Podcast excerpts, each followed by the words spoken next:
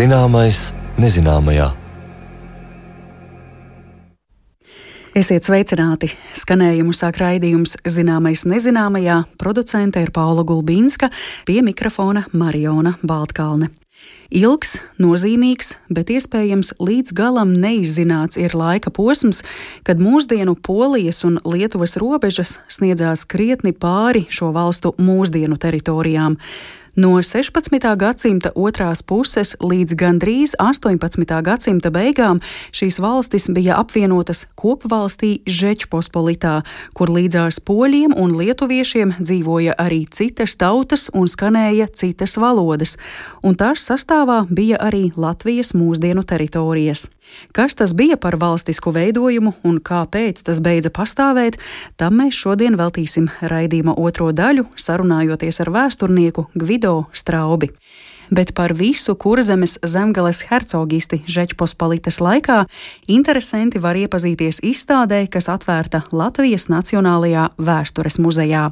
Kādi 16. un 18. gadsimtā bija Latvijas Lietuvas saskarsmes punkti, kā tolaik veidojās politiskie, ekonomiskie un reliģiskie procesi, to izzinās mana kolēģe Zanelāce Baltāksne kopā ar izstādes kuratori, vēsturnieci Mārīti Jakovļevu. Nezināmais zināmā muzejā. Vēl mēs tevi lūdzam, ak, augstais un visu valdīgais dievs, izklāj tos spārnus tavas spēcības pār visiem augstiem kungiem un valdniekiem, kas virs pasaules tavi vietnieki ir. Sevišķi apušķo ar laimīgas un svētīgas būšanas to cienīgu poļu ķēniņu un visu viņa ķēniņa namu Un tas ir rakstīts Piltenes apgabala evaņģēliskās luteriskās baznīcas nolikumā, kas ir drukāts Kenigsbergā 1756. gadā teksts ir latviešu valodā. Jā, jo tas nolikums ir eh, vācu valodā, bet kā pielikums ir tieši latviešu lūkšana pievienot. Tajā laikā Piltenei polijas ķēniņš bija tiešais priekšnieks, kā saka, jā, jo Piltenes apgabals bija kā autonoma vienība, kas bija pakļauts tieši polijas karalim tajā laikā. Tā lasāms pie viena no stendiem izstādē Kurzemes zemgales hercogiste un Lietuvas diškuni gaitija. Un stendā minētais nolikums ir turpat arī apskatāms. Izstādes ideja radās Klaipēdas Universitātes asociētajam profesoram un šauļu muzeja pētniekam Ernestam Vasiljauskam. Lai labāk iepazītu kaimiņu vēsturi, viņam bija vēlme parādīt kurzemes zemgales, jeb īsāk sakot, kurzemes hercogistas vēsturi lietuviešu publikai, un rezultātā, iesaistoties kolēģiem no Latvijas, radās ceļojošā izstāde, kura nu ir skatāma mūsu vēstures muzejā. Pirms ķeramies klāt konkrētu eksponātu apskatei, īsts ievads par to, kā kurzemes hercogiste nonāca atkarībā no Lietuvas-Polijas unijas. Par to stāsta izstādes kuratore un Latvijas Nacionālā vēstures muzeja vēstures nodaļas pētniece Mārīte Jakovļeva. Pašā sākumā, tad, kad bruka Livonija, Livonijas kara apstākļos un kad nodibinājās šī kurzemes un zemgājas hercogiste, tad Polijas-Lietuvas karalis pieņēma šo pakļaušanos no pēdējā Livonijas ordeņa mestra Gottharda Ketlera tieši kā Lietuvas diškunigaitis. Jo tajā laikā Polija un Lietuva nebija kā vienota valsts, bet tās bija divas atsevišķas valstis ar vienu valdnieka personu. Bet kā valstis bija absolūti pastāvīgas. Un līdz ar to, tā, kad sākās šis karš, tad poļi pateica, nu, mums tas ir tālu no mūsu robežām, mums ir savas problēmas, mēs tajā karā neiesaistīsimies. Un līdz ar to vienīgie, kas sniedza šo reālo palīdzību, militāro palīdzību livoniešiem cīņā ar maskaviešiem, bija Lietuva. Un savukārt, kad 1569. gadā nodibinājās uh, Reāla Unija, jeb Polija un Lietuva apvienojās vienā valstī, tad Kurzems un Zemgals hercogiste kļuva par šīs valsts kopīgo lēni. Jā, tā tad hercogs bija vasalis. Bet tagad dodamies īsā apgaitā, lai uzzinātu, kādas saknes Latvijā ir Landsbergu dzimtai, kāpēc hercogam Ferdinandam Ketleram radās doma mudināt latviešu zemniekus pārdot saktas, un kā kurzemes hercogistei veidojās katoļu draugs, savukārt katoļticīgajā diškunigaitijā luterāņu. Ievadam noteikti jāpasaka, ka šī izstāde ir veidota no tādiem vairākiem tematiskajiem blokiem. Ir politiskā vēsture, ir nedaudz tāda ekonomiskā vēsture un saskarsmes vēsture. Un atsevišķi bloks ir veltīts arī šai baznīcas organizācijai, reliģiskajai dzīvei pierobežā. Tas, ka katoļi, protams, kurzemes hercogistē, tas jau no vienas puses bija mantojums vēl no Livonijas laikiem, no otras puses, jā, tā bija tiešām Polijas-Lietuvas ietekme, kad daži mužnieki ieprecējās vai aprecējās ar Polijas vai Lietuvas katoļticīgajām sievām, tad viņu ietekmē pārņēma šo ticību un arī attiecīgi ierīkoja savos īpašumos šīs katoļu baznīcas. Bet daudz interesantāk man liekas ir tas apstākļus, ka Lietuvas pierobežā ir ļoti daudz luterāņu baznīcu. Nu, ne ļoti daudz, jā, bet ir vairākas. Un tās savukārt ir veidojuši kurzemes mužnieki, kuri bija iepirkuši īpašumus Lietuvā, un tad attiecīgi turp ieplūda gan vācu iedzīvotāji, gan arī zemnieki no kurzemes, un tādējādi veidojās šīs luteriskās draudzes. Un vismaz 17. gadsimtā interesanti tas, ka Šīs luteriskās baznīcas ir pakļautas kurzemes konsistorijai, tieši šīs baznīcas, kas atrodas pierobežā, savukārt kurzemes katoļu baznīca ir pakļautas Žemaitijas bīskapam. Kuri tad bija tie mužnieki? Jā, jo šeit kartē mēs varam redzēt, ka Biržos eh, bija Lutāņu baznīca toreiz, Žeimeļos un eh, Šaukenaitē. Es lasu, kā ir. Nu, šīs baznīcas dibināja gan lietuvieši, kas bija pārgājuši vai pieņēmuši luterticību vai arī kalvinistu ticību, gan arī tiešām no kurzemes ienākušie eh, kurzemnieki. Es precīzi nepateikšu, ja, kuru kurš ir dibinājis, jo to, teiksim, mužnieku dzimtu, kam piederēja īpašumu Lietuvā, bija ļoti daudz. Faktiski laikam nav tādas kurzemnieku dzimtas mužnieku, ja kam kāds īpašums kādu laiku tur nebūtu piederējis. Un tieši tāpēc mums ir arī atsevišķs stends, veltīts šiem kurzemes mužniekiem, kuriem bija īpašumi gan kurzemē, gan arī Lietuvā, un kuri ieņēma teiksim, tādus vadošos amatus kurzemes hercogistē, kā piemēram te ir hercogistes kanclers Dītrihs Kaizerlings. Tad ir interesanti informācija par Landsbergu dzimtu, jā, jāsaka, prezidents Landsbergis un, un tagadējais Lietuvas ārlietu ministrs Landsbergs arī nāk no šīs pašas dzimtas kurzemes zemes Landsbergiem. Tā, šeit mēs Jā. varam apskatīt arī ģerboņa attēlu Jā, Landsbergu. Mēs varam, mēs varam izlasīt ah, informāciju. Te, te arī var viņiem. to ģerboni noņemt un jā, paskatīties. Jā, un paskatīties ģenealoģiju. 16. gadsimta vidū Landsbergiem tika piešķirt neliela muiža trikātas pilsnovadā. Un kurzemes zemgāles hercogs Gotthards Ketlers par uzticīgu dienestu Vilhelmam piešķīra Vīkseles mūžu kurzemē. Un savukārt tā Landsberģa brāļa maz mazdēls Eberhards pārcēlās uz Lietuvu, kur ieguva pamūšas un Dilovkovas mūžas. Tad lūk, bijušais Lietuvas prezidents, viņa dzimta Jā, jā, tā var paskaidrot. No, jā, no, no, no kurzemes, gan arī no vidzemes, jā, ja mēs tādu trikātu ņemam. Noslēdzot tematu par reliģisko aspektu izstādē, tur rodam arī informāciju par vācu baltu teologu Gotthārdu Friedrihu Stenderu, jeb veco Stenderu, kurš 18. gadsimta 50. gados kalpoja par mācītāju Lietuvā, pierobežas luterāņu draudzē Žeimē, tagad sauktā par Žeimeli. Tiem svarīgākie viņa darbi, jā, latviešu leksikons, latviešu gramatika ir tapuši žēmē tieši tajos gados, kad viņš ir bijis mācītājs. Darbojies, strādājis Lietuvā un rakstījis par uh, Latvijā. latviešiem. Jā. Un interesanti ir tas, ka viņa šajā leksikonā, jā, viņam ir eh, tulkojums, piemēram, katoliša reliģiona, jā, jeb, jeb katoļu ticība, viņš tulko kā leišu ticība. Runājot par tā laika kurzemes zemgales hercogisti, ir jāsaka paldies hercogam Friedriham Ketleram. Viņš ir arī zināmākā kurzemes hercoga Jēkaba tēva brālis un tas, kurš arī Jēkabu izveidoja par nākamo valdnieku. Bet atgriežamies pie paša Friedriha un uzzinām, par ko mums šodien viņam ir jāpasakās. Tas, protams, ir jautājums no kā būtu, ja būtu, bet uh, mēs varam arī tiešām paprātuļot. Jo 1589. gadā, tas ir divus gadus pēc uh, pirmā hercoga Gotthārda nāves, Polijas seims pieņēma tādu lēmumu, gadījumā, ja izbeidzās Ketleru hercogu dzimta tiešajā līnijā, tad uh, hercogistu varētu nepiešķirt kādam jaunam hercogam, bet vienkārši sadalīt vaivadījās un pievienot Lietuvai patiešo, nu, respektīvi inkorporēt Lietuvā. Nu, tad, protams, radās jautājums, vai nākamo gadsimtu gaitā teiksim, latvieši kā tauta vai kā nācija spētu pastāvēt, vai varbūt visi būtu lietuviskojušies. Kā saka, vai Latvijas valsts vispār izveidotos tādā veidolā, kādā tā ir tagad? Ja? Nu, tas ir tāds jautājums, protams, ej nu sazin, bet katrā ziņā tā bija, manuprāt, diezgan bīstama situācija. Šī izstāde ir ceļojoša. Pagājušajā vasarā tā bija skatāma Jēlgavā, bija arī vairākās Lietuvas pilsētās, un katrā vietā tā ir citādāka un līdz ar to arī unikāla. Ar to, ka tajā no konkrētā muzeja tiek izlikti apskatēji citi oriģināli eksponāti. Rīgā citu eksponātu starpā tās ir dižu apmēru krāšņās burbuļsaktas, ar kādām agrāk graznojās turīgās latviešu zemnieces. Stāstu par tām turpina vēsturniece Mārīte Jakovļeva.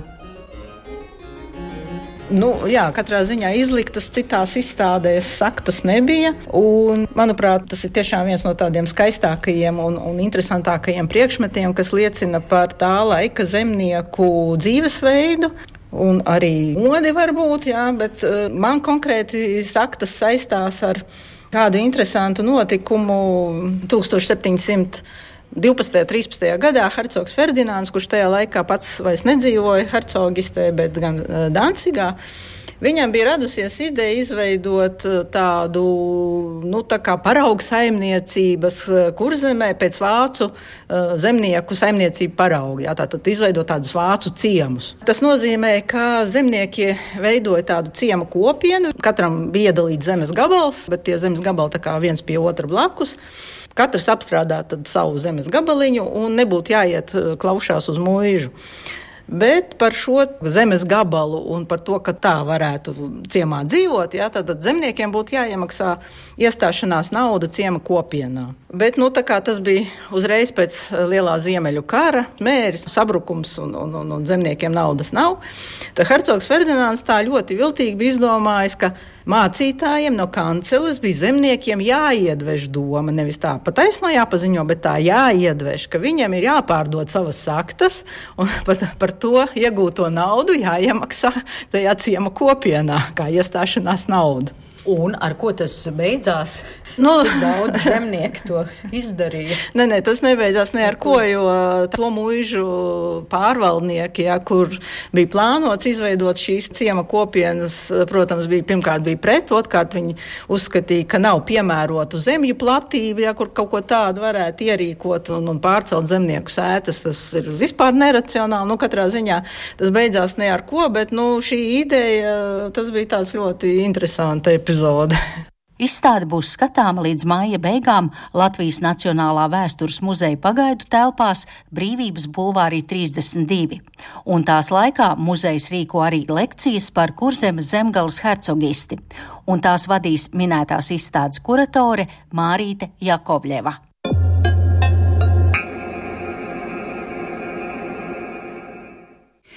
Paldies kolēģei Zanē Lācei Baltāksnei, kura devās uz Latvijas Nacionālo vēstures muzeju, lai sarunā ar vēsturnieci Mārīti Jakovļevu iepazīstinātu ar izstādi par kurzemes zemgales hercogisti Žečpospolitas laikā.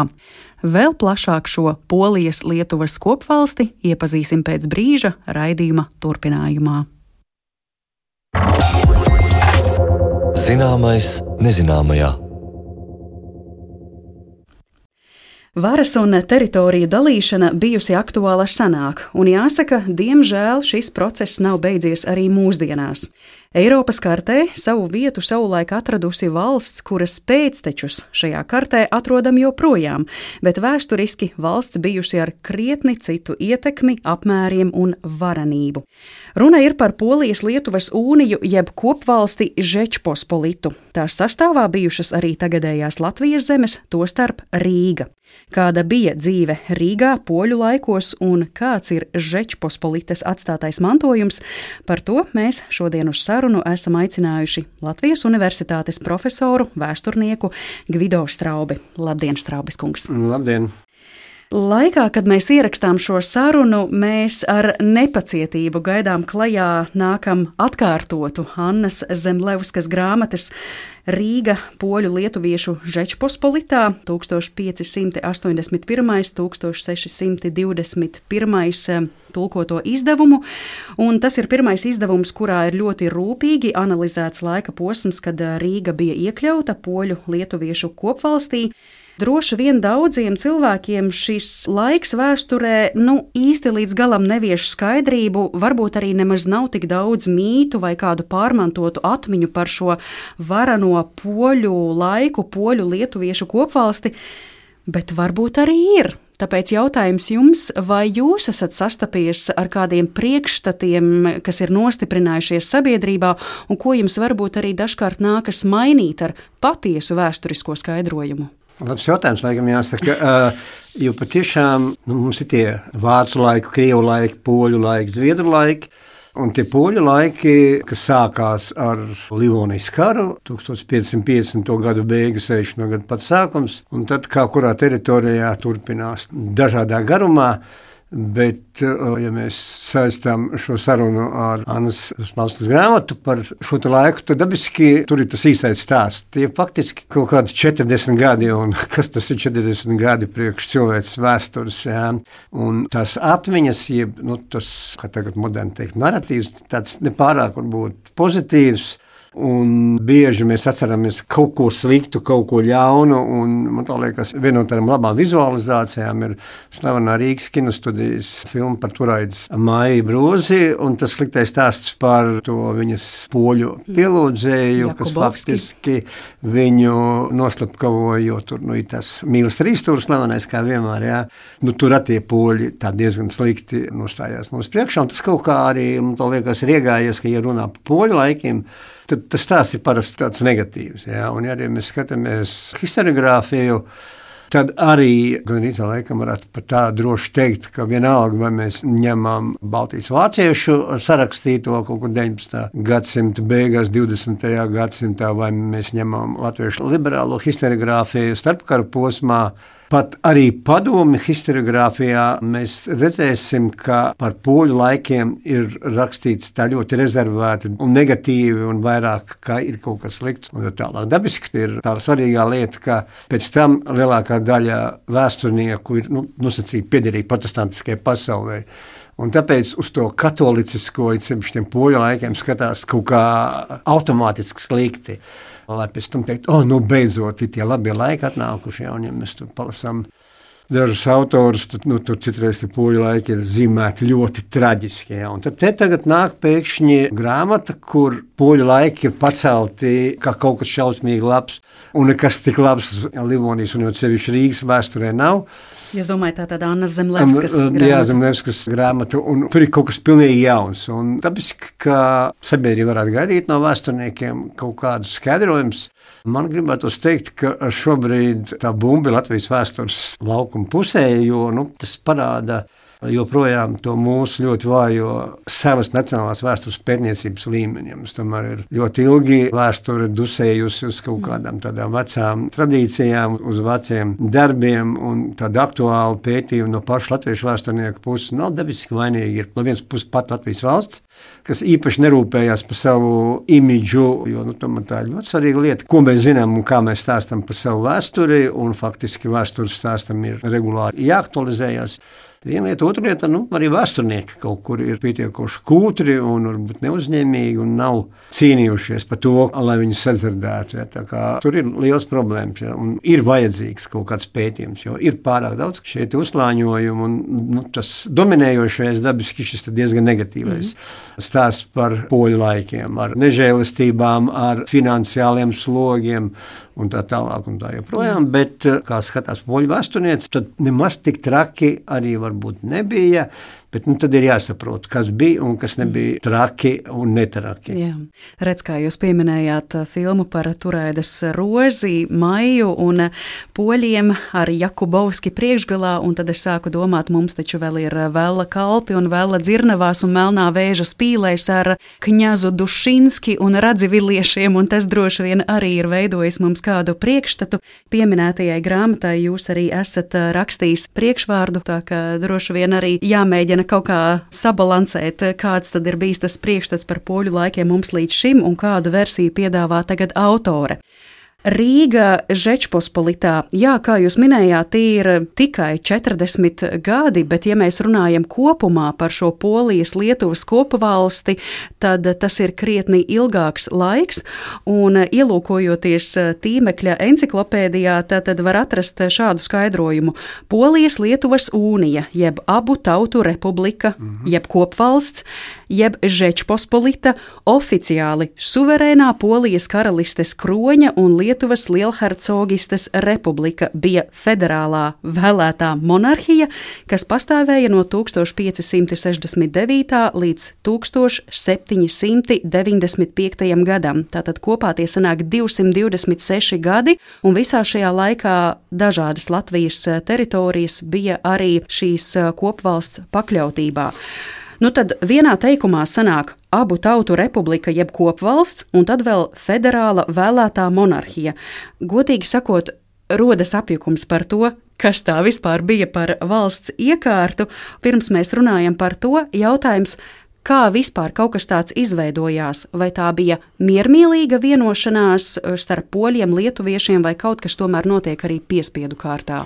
Jā, gan, gan faktiski tā kopdzīve, ja tā mīlestība arī ar ik pa laikam kaut kādiem iekšējiem strīdiem jau sākās 14. gadsimta pašās beigās, pat pēdējā ceturdaļā laikam. Tā varētu teikt, ka pateicoties valdniekiem, jeb tiem pašiem Jageloniem, šīs divas teritorijas, Polija un Lietuva, kļūst tos dēļ šīs ģimenes, jā, kas ir tronī, un līdz ar to no tām 14. gadsimta beigām līdz tā jūsu pieminētajai unijas, jeb Ljubljanas unijas noslēgšanai 16. gadsimta beigās, tā ir tāda nepārāk varbūt normāla kopdzīve, kas nav reģistrēta oficiālā baznīcā, jeb Ziemassvētku nodaļā, ja, kur būtu jābūt šīm labām attiecībām, tajā pašā laikā katrs varbūt vairāk no šiem draugiem un radiniekiem dzīvo savu dzīvi. Bet tās pakāpeniskās izmaiņas, kas notiek kopš 14. gadsimta beigām šajā teritorijā, kas skar Poliju, Lietuvu, Baltiju, Krieviju, šodienas arī Ukrainas, Baltkrievijas teritorijas.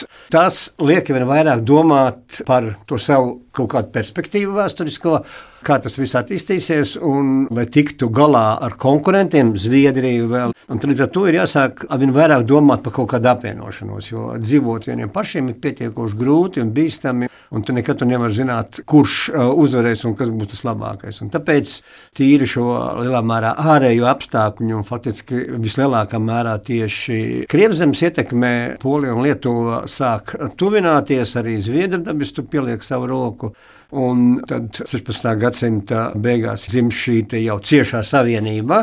Un tad ir tas moments arī ļoti tuvu pie Ljubljanas unijas noslēgšanas, kad faktiski top tas valsts modelis, par ko jūs pieminējāt, mm. kas ir šī vēlētā monarhija. Un līdz ar to mēs varam runāt, ka šī Polijas un Lietuvas kopvalsts, dubultu valsts, no vienas puses ir viena no modernākajiem valsts veidojumiem, jo faktiski tā ir republika, turklāt ar vēlētu valdnieku. Citur tas tā nemaz tik ātri vēl nenotiks, jo asins radniecībai jābūt pareizai izcelsmei un tā tālāk. Un tā. Projām Polija Lietuva ātri nonāk pie samērā modernas lietas, tad pie demokrātiskām vēlēšanām, un ja ir piemērots kandidāts, tad tas tiek nobalsots un pilnīgi vienalga, kas ir viņa vecāki un no kurienes viņš nāk. Ja, tā ir to, republika ar vēlētu monarhu? Ar vēlētu monarhu, jā. No, kas ir nu karalis? Nu, monarhu, nu, viņi vienojās, jā. un bieži kāds svešs un nezināms ir varbūt labāks kandidāts nekā savējais, un tāpēc mēs ik pa laikam ieraudzīsim mm. tur kaut kādus frančus, mēs ieraudzīsim tur Stefanu Batoriju, kas Latvijā ir vispopulārākā persona no visiem polijas Lietuvas karaļiem. Dabiski ļoti liela nozīme ir tieši šim seimam, jeb parlamentam, kurā pamatvara pieder mužniecībai, aristokrātijai. Turklāt Polija un Lietuva izdara vēl vienu tādu ļoti interesantu soli. Tā pielaiž pie šīs demokrātiskās institūcijas vidējo un, varētu teikt, nabadzīgo mužniecību, jo, kā mēs sakam, šļakta, kas ir trūcīga, kas bieži pat nav varbūt mantīgāka, jeb situētāka par vienkāršu ierindas zemnieku, un viņš nonāk Seimā, un līdz ar to tiek veidota tas ļoti liels monstrs, kur ir gan ļoti bagāti, ietekmīgi aristokrāti ar lieliem zemes gabaliem, lieliem naudas maisiem, Un tad pašā laikā ir trūcīgi mužnieciņi, kuriem nu, ja arī kaut kur ir mantota no senčiem kāda pilsta, tā ir nolaista līdz pēdējiem, bez stikliem. Zirdziņš bieži nav, ir vecs kariet, un ja tu gribi braukt uz sējumu valsts darīšanās, tad tev jāprasa bagātam kaimiņam zirgs, lai tu kaut kā aizstātos tā, kā viņi dzīvo ļoti švaki, un līdz ar to viņi viegli pērkami. Viņus var ļoti viegli, bagāti aristokrāti uzspirt, un līdz ar to faktiski veidojas kaut kas līdzīgs tādām modernām politiskām partijām, kur aristokrāti viens liels ap sevi pulcēja šos nabaga šļaktiķus, kuriem smuki maksā, un viņi ceļ roku tā, kā vajag. Līdz ar to tā ir tā klasiskā mužnieka republika. Tur ir ielikta tā vēl viena bumba, laika dēļ, respektīvi, tur ir tā prasība pēc konsensusa, ka visiem jābalso pareizi, lai mm. tad nu, būtu kaut kāds rezultāts. Un tiklīdz kāds ir pret, tad ir ļoti grūti kaut kādus rezultātus sasniegt. Nu, to, ko mēs redzam arī šobrīd Eiropas Savienībā, kur uh, Ungārija var spītēties un ākstīties, un ja Ungārijas prezidentam nevajag nekur iziet ārā, tad lēmums nevar pieņemt, nu, ja viņš ir tik saprātīgs, ka viņam jādodas uz kaut kurieni ja pastaigāties balsojuma laikā, tad varbūt tas arī kaut kas iznāk. Ja, ja cilvēki mācētu mācīties no vēstures, viņam varbūt tas vēstures kļūdas nepieļaut. Ja Eiropas Savienība atcerētos šo poļu lietuviešu variantu, ka nevar tikai vienmēr cerēt uz to, ka totāli 100% nobalsos par, tad varbūt nebūtu šis dumjais modelis iestrādāts un būtu pieļauts, ka, nu, ja kāds ir pret, nu, tad ir jāmeklē kaut kāda cita risinājuma, vai nu viņš ir jāmet ārā, ja viņš vienkārši spītējās, ja viņam kāds austrumos maksā lielu naudu, ja kaut kādam mehānismam jābūt. Bet, nu, tā tā valsts izveidojās, un varbūt sākotnēji tā ir arī ļoti interesanta un aktīva un daudz ko izdara reģionā. Faktiski vienbrīd vislielākais veidojums Eiropā, un tā ir no Baltijas jūras līdz Melnajai jūrai, un arī militāri viņa ļoti spēcīga, jā, bet, diemžēl, tur bija ieliktas šīs dažas nepilnības, kas pamazām noveda valsti dubultu valsti noveda pie tā kraka, ko mēs redzam tā visa 18. gadsimta garumā. Tātad pakāpeniski līdz 1795. gadam faktiski šī varenā valsts, dubultu valsts veidojums izšķīst. Un nu, visu 18. gadsimtu Polija, Lietuva ir lielā mērā Krievijas tāds pielikums, un laikam visklajāk to demonstrē Katrīna II, kas pamatā korģē, kas būs karalis, ietekmējot arī sēmu, un līdz ar to liekot tur savus favorītus. Ir pat viens moments, ka viens no Katrīnas mīļākajiem cer kļūt par polijas karali, ja gadījumā viņam kļūs karsti Krievijā. Ja, tā kā tas ietekmes ir, un tad Katrīna otrā kopā ar saviem lielajiem politiskajiem konkurentiem Austriju un Prūsiju sadala šo bijušo Eiropas lielu valsti un tā faktiski noiet uz kaut kādu laiku no vēstures skatos. Mm. Tajā brīdī, kad tomēr Žečpospolita spēlē būtisku lomu Eiropas kartē, vai tomēr var just, ka kāds no šīm tautām spēlē pirmo violi? Nu, tad, kad runa ir par diviem, parasti ir tā, ka varbūt kāds ir pirmais un kāds ir otrais, jo mēs tomēr nesakām Lietuvas polijas unija, bet polijas Lietuvas unija. Jā, jā, tas ir lietuviešiem, jo sevišķi tas ir sāpīgs jautājums. Polija un poļi ņēma virsroku. Varbūt pat sākumā tas nebija tik izteikti, bet pakāpeniski dabiski, ka Polija ir tas galvenais noteicējs šajā laulībā, un līdz ar to tā ir tas dominējošais spēks. Un uh, ar to ir jārēķinās. Lietuva, Lietuva gan ik pa laikam mēģina spēlēties un arī to savu varenību kaut kā demonstrēt. Man gribētu teikt, paldies Dievam, ka tas lietuviešiem neizdevās. Kāpēc? Viens no piemēriem ir viens moments, kad ir dabūt Žečpospolitas karaļa tronī Ivanu IV. Iedomājieties šodien to situāciju, ja tāds cilvēks tur būtu nonācis balsošanas mašīnas rezultātā, tad ko teiktu Putins Maskavā? Skaidra lieta, ka nu, tā ir mūsu teritorija. Viss. Mēs ejam savākt savas, nu, to, ko jau viņi visu laiku saka. Krievu vecās, zemes. vecās zemes. Jā. Paldies Dievam, tas neizdevās. Jo, ja tas būtu izdevies, toreiz diez vai mēs būtu priecīgi par lietuviešu šādām idejām. Jā. Bet nu, tas bija tas mēģinājums kaut ko darīt, jo vienu brīdi tomēr Polija redz, ka laimējās, toreiz nebija robežas ar Krievijas zemi, tās bija aktuāls tikai Lietuvas teritorijā. Tā Tur ir tāda zināma kaut kāda tuvība viņiem varbūt arī bijusi, bet paldies Dievam, tas nav izvērsies nelabvēlīgi šī reģiona vēstures kontekstā. Mm. Un, un tad ir jā, var teikt, ka faktiski lietuviešu aristokrātija, kurai tad ir tā interese par varu, tā tomēr nu, izteikti iet polinizācijas ietekmi. Tas atkal nu, mums jāskatās nedaudz plašāk, kas tad ir šī kopvalsts, vai tā sastāv tikai no šodienas Polijas un Lietuvas, jeb ne tikai. Ja? Un tad dabiski šodienas Baltkrievija, šodienas Ukraina. Tās ir tās teritorijas, kas ir tur iekšā. Jā. Līdz ar to, nu, plus vēl atgala dabiski arī. Jā. Līdz ar to tas ir ļoti tāds Kokteilis. kokteils, daudznacionāls, kur tas viss valodas dominē. Un faktiski mēs redzam arī, ka Žečpospolitas valsts valoda kaut kādā momentā faktiski no poļu un vairāk latīņu pāriet uz šo, varētu teikt, starp tautu valodu, respektīvi tā birokrātiskā valsts valoda ir rutēņu valoda, kas laikam pareizi būtu teikt, ka ir vairāk tuvāka šodienas Baltkrievu valodai. Mm. Nu jā, un, protams, arī Latvija. Tad mēs arī varam teikt, ka Žečpospolitas pārziņā nonāk arī vairākas tagadējās Latvijas zemes. Vai mēs varam runāt par visu Latvijas teritoriju, un vai tas notiek tā kā dažādos laika posmos? Vispirms viens, tad poļi ņem savā pārziņā citu Latvijas reģionu. Kā tas notiek? Nu jā, Livonijas kara rezultātā iznāk tā, ka praktiski visa Latvijas teritorija nonāk pakāpeniski. Polijas, Lietuvas, nu, sākotnēji vairāk Lietuvas, un pēc tam jau Polijas rokās. Tā varas izpausme sākotnēji ļoti nogaidoša, ļoti piesardzīga un ļoti uzmanīga, un nav varbūt tik izteikti agresīva sākumā.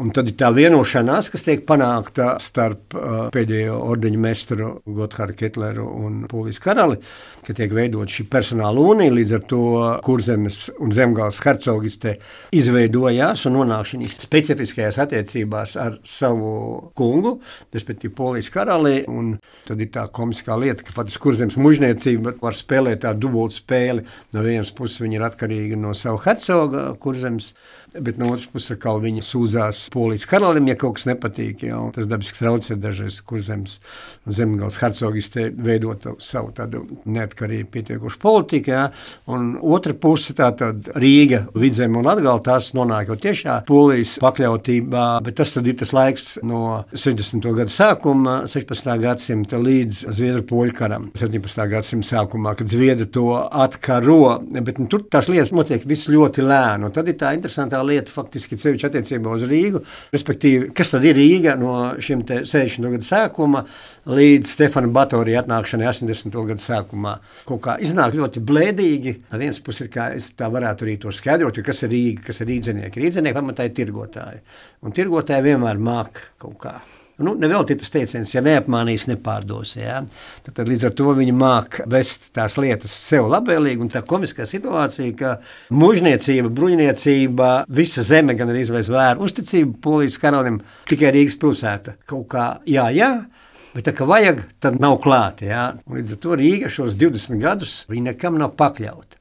Un tāpēc ir daži kolēģi, kas grib teikt, Rīga ir brīvpilsēta. Nav jāmaksā nodokļi un tā tālāk, bet no, tur ir tā viena nianse, ko kolēģi neskapēc aizmirst. Pa brīvpilsētu tu vari kļūt, ja tev iedod kaut kādu privilēģiju, papīrīti. Tāda Rīgai, diemžēl, nekad nav bijusi.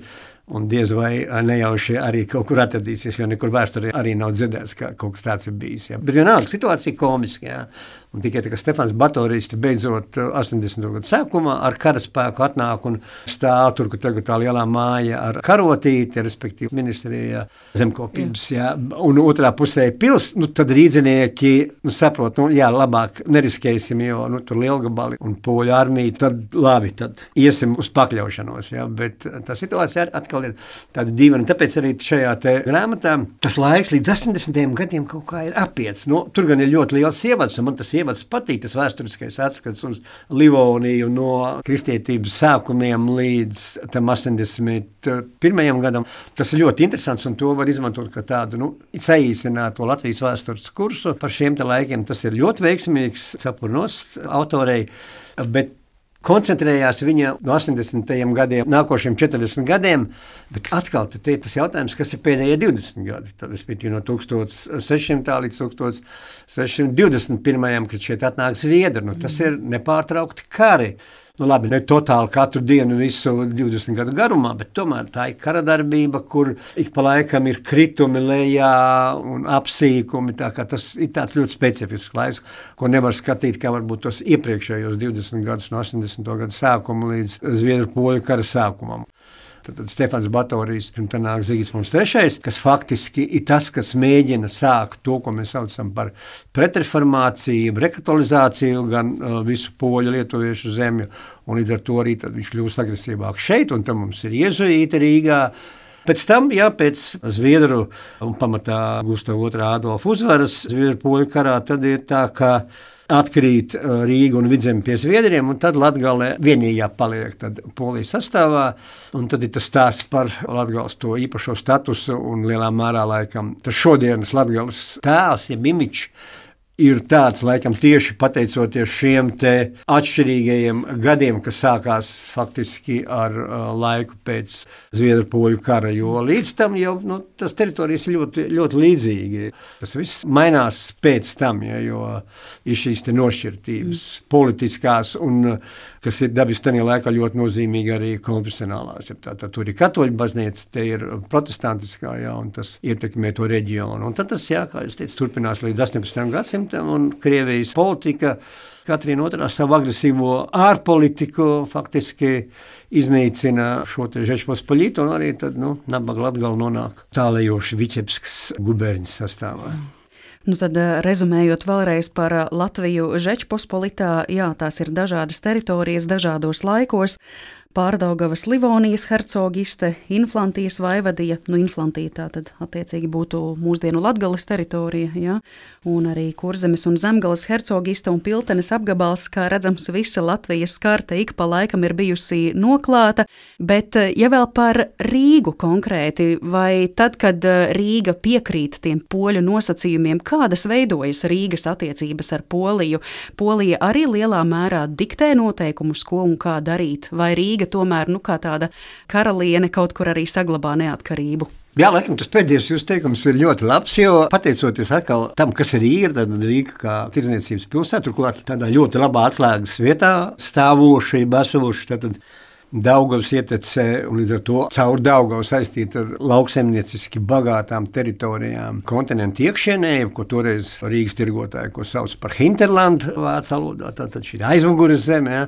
Tas nospēlē ļoti lielu lomu un Polija Lietuva izturās pret Rīgu nu, tā divējādi no vienas puses, jā, viņi ir tie kungi, kas gribētu te diktēt tos nosacījumus, no otras puses, te ir tā vieta, jeb tā visteņa, kas dēļ zelta olību, kas dod naudu, un tāpēc ir tā izturēšanās samērā korekta Turklāt Rīga, atšķirībā no dažām citām Baltijas jūras ostas pilsētām, jo sevišķi laikam te būtu jārunā par Dancigu, kas bija krietni sliktāk uzvedusies nekā Rīga. Rīga daudz varbūt tāda nu, gudrāka, ja savā politikā nav tik agresīva. Un, Rīga nu, mākslinieks sadzīvot. Ja? Dabiski jāņem vērā, ir, kāpēc Rīga samērā ātri sadzīvo arī ar šo Polijas-Lietuvas virskundzību. Tas ir tā aizmugures milzīgā teritorija, tātad šodienas Lietuvas, Baltkrievijas un līdz pat Ukrainai teritorijas, kas ir milzīgs tirgus It sevišķi piegādē, jo Rīgas tā tirdzniecības specifika ir faktiski eksports, jeb izvešana. Vairāk izvada šeit preces naudas summās kaut kādas ārā nekā ievada.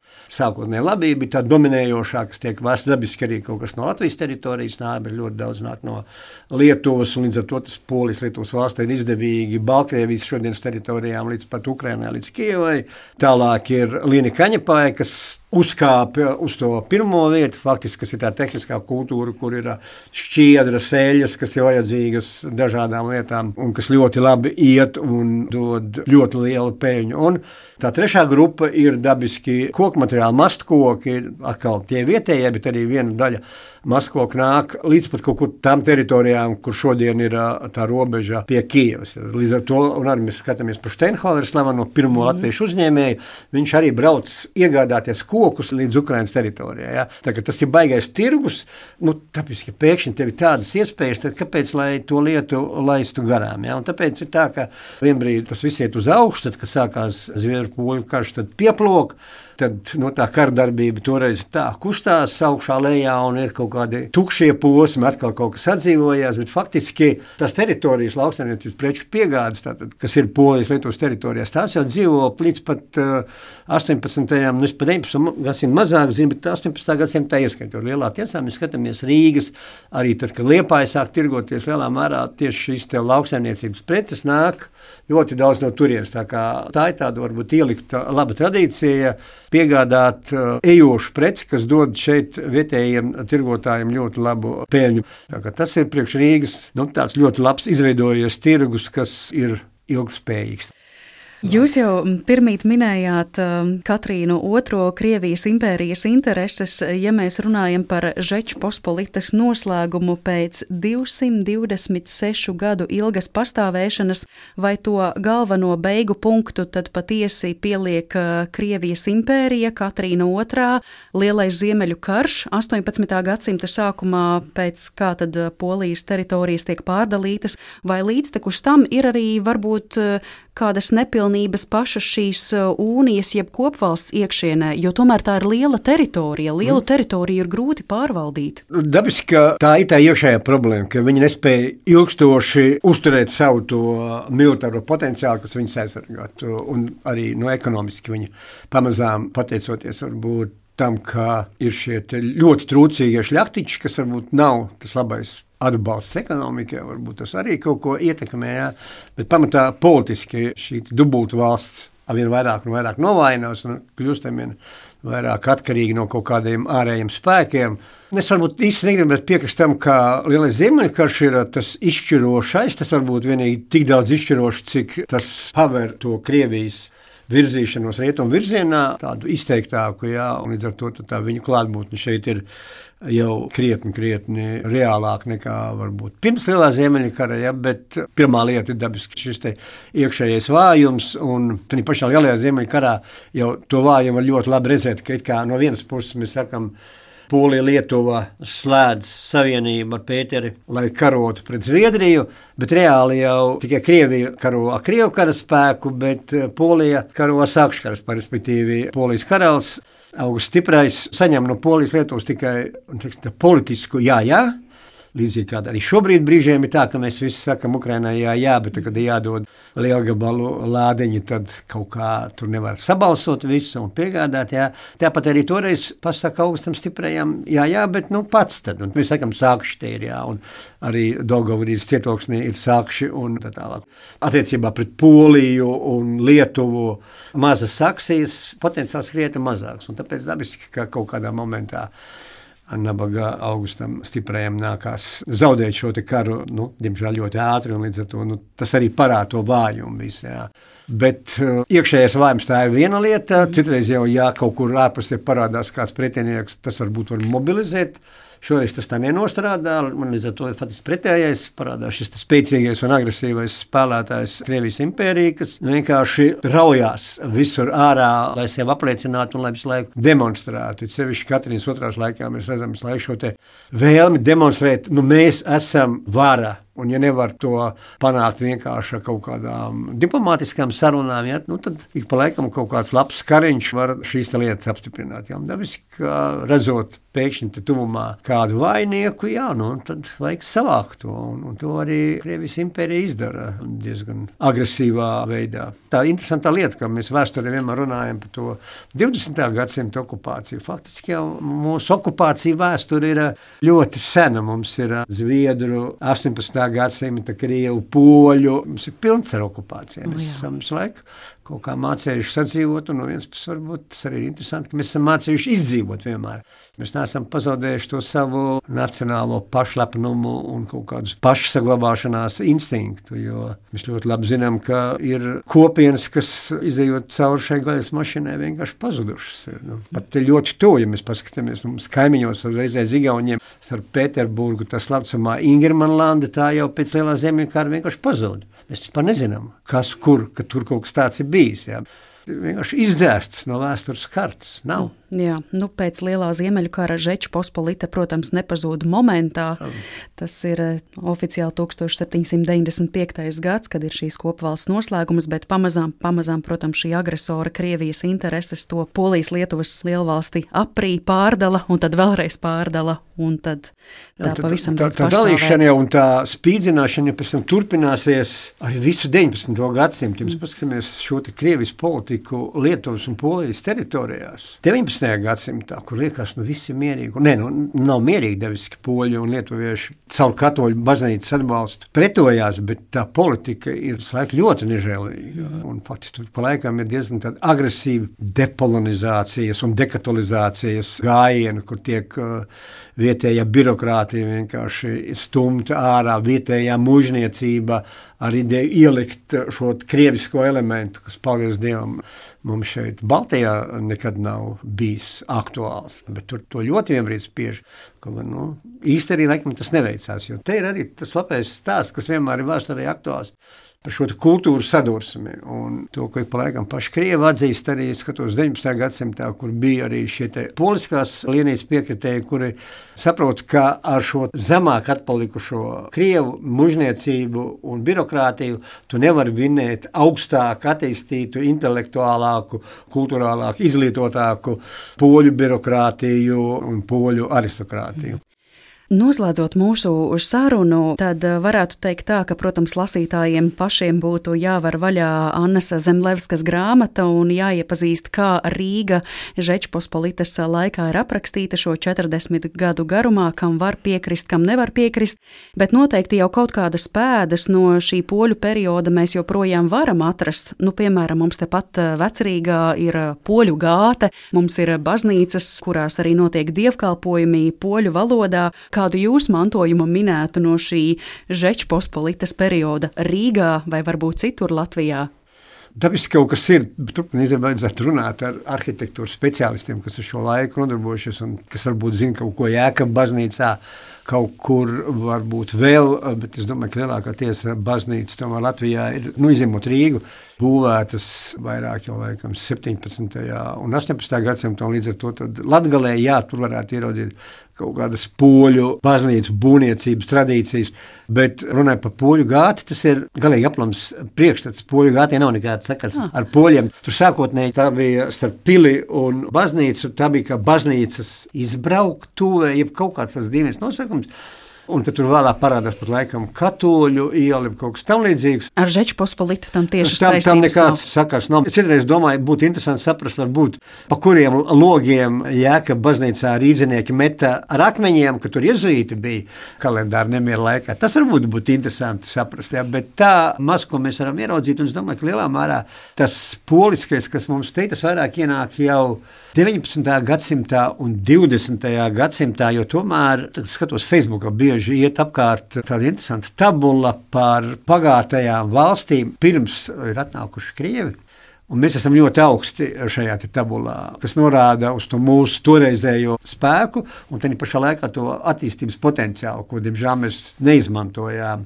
Bet, ko es gribēju teikt, tad tas, ka mēs esam ekonomiski starpkara posmā bijuši ļoti augsti, mēs bijām dabiski vilinoši darba došanas objekts. Mēs ļoti daudzi zinām šo stāstu, ka daudz vietā Latvijā, gan Latvijā, gan Vidzemē, gan Kurzemē bija šie laukstrādnieki, sezonas strādnieki no Lietuvas un no Polijas. Un tie ir ļoti daudz, kas šeit ir atnākuši. Ja, tad tas elements vairāk ir pavairojies. Ja, jo līdz tam momentam, faktiski 18. gadsimta poļu klātbūtne ir ļoti maz. Mēs kaut ko varam redzēt. Ja. Bet nu, kaut kur baznīcas arhitektūrā, jā, es domāju, ka to redzēt, jo tomēr tā garīdzniecība, kas šeit ir sevišķi Latvijā, katoļu baznīcā, tā dabiski ir lietuviski poliska. Jā. Tur ko, ko vajadzētu meklēt, bet Rīgā laikam, diemžēl, diemžēl šo.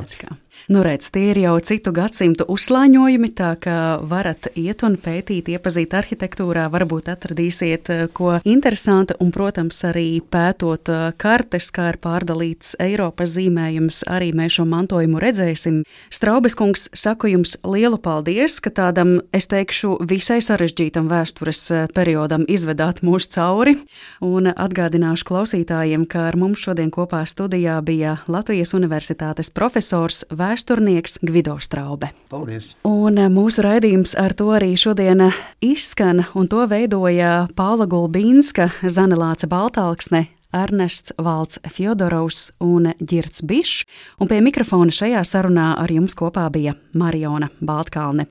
Lai jums patīkams šīs nedēļas turpinājums un uz sadzirdēšanos atkal citu dienu. Visu labu!